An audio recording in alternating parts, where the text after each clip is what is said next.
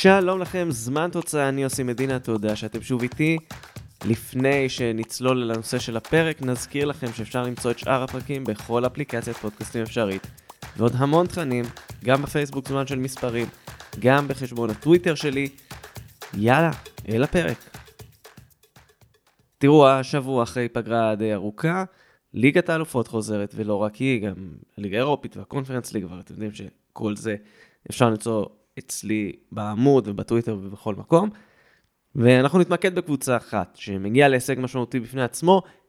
קלאב ברוז' היא עולה לשמינית הגמר אה, של ליגת האלופות אחרי קמפיין מאוד מרשים בשלב הבתים. היא הוגרלה בשלב הזה מול בנפיקה, והיא אולי חולמת על אה, לעשות עונה אירופית גדולה. עכשיו, צריך לרוץ בראש ולחשוב האם לקלאב ברוז' הייתה עונה ששווה לחזור אליה, כזו שמציתה את הדמיון? ברור שכן, בשביל זה אנחנו פה.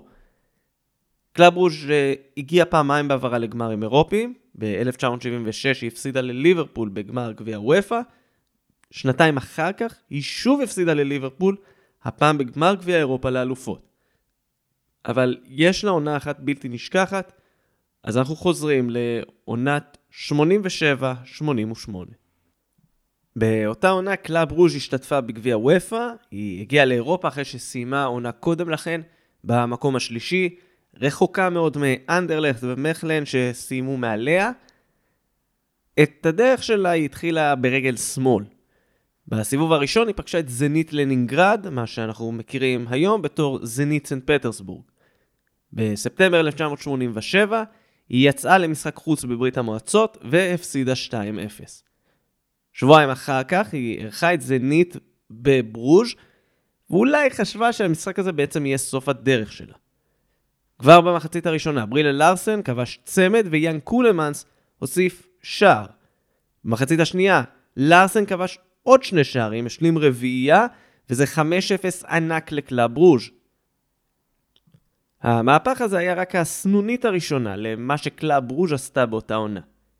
סיבוב שני, הכוכב האדום בלגרד. המשחק הראשון ביוגוסלביה, שוב הפסד 3-1. קלאב ברוז' הובילה אבל התפרקה בדקות הסיום כשהיא סופגת שערים בדקות ה-82 וה-90. בגומלין היא משחזרת את מה שקרה לה מול זנית.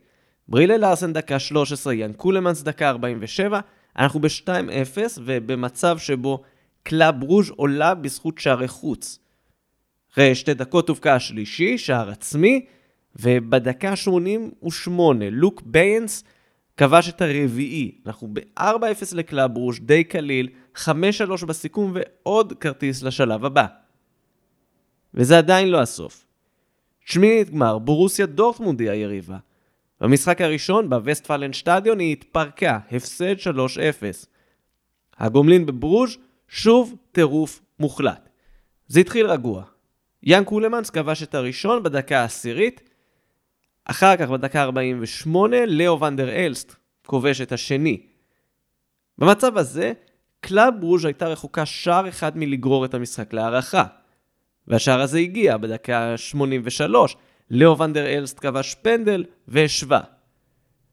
בהארכה, דקה 100, פרנקי ונדר אלסט כבש והפך את התוצאה.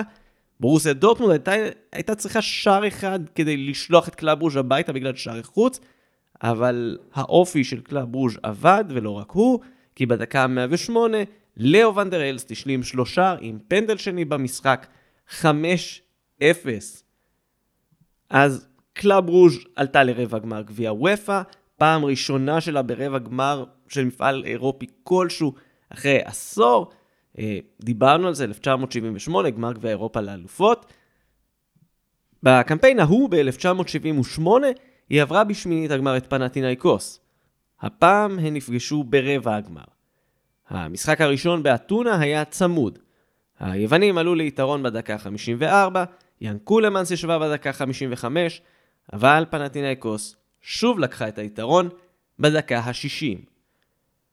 בדקה ה-80, מרק דה חרייזה, ההוא שאף שם לא מתחרז, השווה, ולקלאב ברוז' היה הרבה מה להגיד אחרי זה.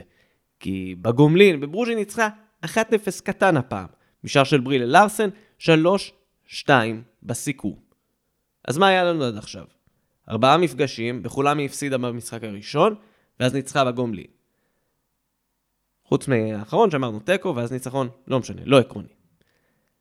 האופי הזה התהפך בחצי הגמר מול אספניול, כי גם סדר המשחקים התהפך. הפעם זה היה התור של קלאב ברוז' לארח ראשונה, והיא ניצחה בבית, כרגיל, 2-0. יאן קולמנס ושער עצמי. שבועיים אחר כך היא יצאה לסאריה בברצלונה, כשהיא חולמת על גמר אירופי. בדקה העשירית, דייגו אורחואלה כבש ראשון, דקה 63 סבסטיאן לוסדה עם 2-0, ומשווה את התוצאה בסיכום שני המשחקים. קלאב ברוז' ניסתה, וניסתה, וניסתה, המשחק הלך להארכה, ואז בדקה ה-119 זה נגמר. פיצ'י אלונסו כבש, 3-0 לאספניול, 3-2 בסיכום, קלאב ברוז' מסיימת מסע הירואי. אז כן, זאת הייתה דרך ארוכה ומעניינת, וקלאב ברוז' אולי יכולה לחלום על דברים גדולים, אבל דרך ארוכה עברה עליה מאז ה... לא רק מאז החצי גמר ב-88, אלא אפילו בחודשים מאז שהיא הבטיחה את המקום שלה בשמינית הגמר. היא נפרדה מהמאמן שלה, קרל הופקנס, ומינתה במקומו את סקוט פארקר, שאגב, צמד המשחקים מול בנפיקה יהיה המשחקים הראשונים בקריירה שלו כמאמן במסגרת מפעלים אירופיים. וזה מעבר לזה שקלאב רוז' מסובכת בליגה ודברים כאלה, אבל זה לפעמים אחרות. אז זה לא הולך להיות פשוט, גם לבנפיקה יש את הסיפורים שלה. ויהיה מעניין לעקוב אחרי המפגש הזה, שהוא כביכול המפגש אולי הכי שולי בסיבוב הזה, אבל הוא מעניין. תאמינו לי שהוא מעניין.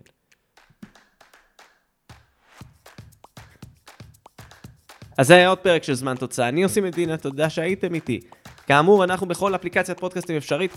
חפשו זמן של מספרים בפייסבוק, אל תשכחו את חשבון הטוויטר שלי, הכל שם. אני כבר מחכה לשמוע מכם תגובות, תהיות, רעיונות לפרקים. הבמה שלכם והיא לגמרי פתוחה. יהיו עוד פרקים, הם כבר בדרך אליכם. עד אז, ביי בינתיים.